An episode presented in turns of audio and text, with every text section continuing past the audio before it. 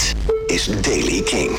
Vandaag een bewolkte dag en wederom valt er eh, veel regen en motregen. Temperatuur 9 graden in Groningen en 12 in Zeeland. Nieuws over de Red Hot Chili Peppers, Sleaford Mods en nieuwe muziek van Wetlag. Dit is de Daily King van dinsdag 5 april. Michiel Veenstra. De allereerste Grammy Award van Flea van de Red Hot Chili Peppers is een poos zoek geweest. Flea praatte in dit weekend met het Amerikaanse radiostation K-Rock in Los Angeles over de Grammys. Vonden dit eh, weekend namelijk plaats. En uh, hoe hij belangrijk een Grammy eigenlijk vindt. Nou, zegt hij, zegt vind ik wel mooi hoor, maar het is ook maar een gebruiksvoorwerp.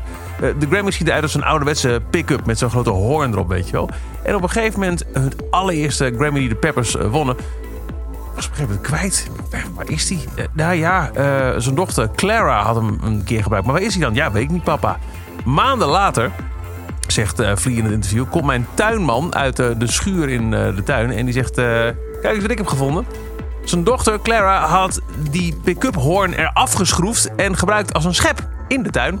En had de hele winter daar een beetje in het zand gelegen.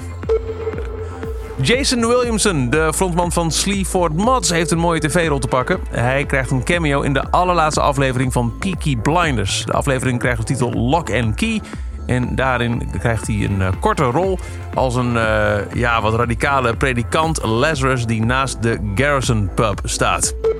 En dan Wetlag heeft weer een nieuw liedje uitgebracht. Uh, hun debuutalbum verschijnt dit week en daarop staat ook deze nieuwe single Your Mom.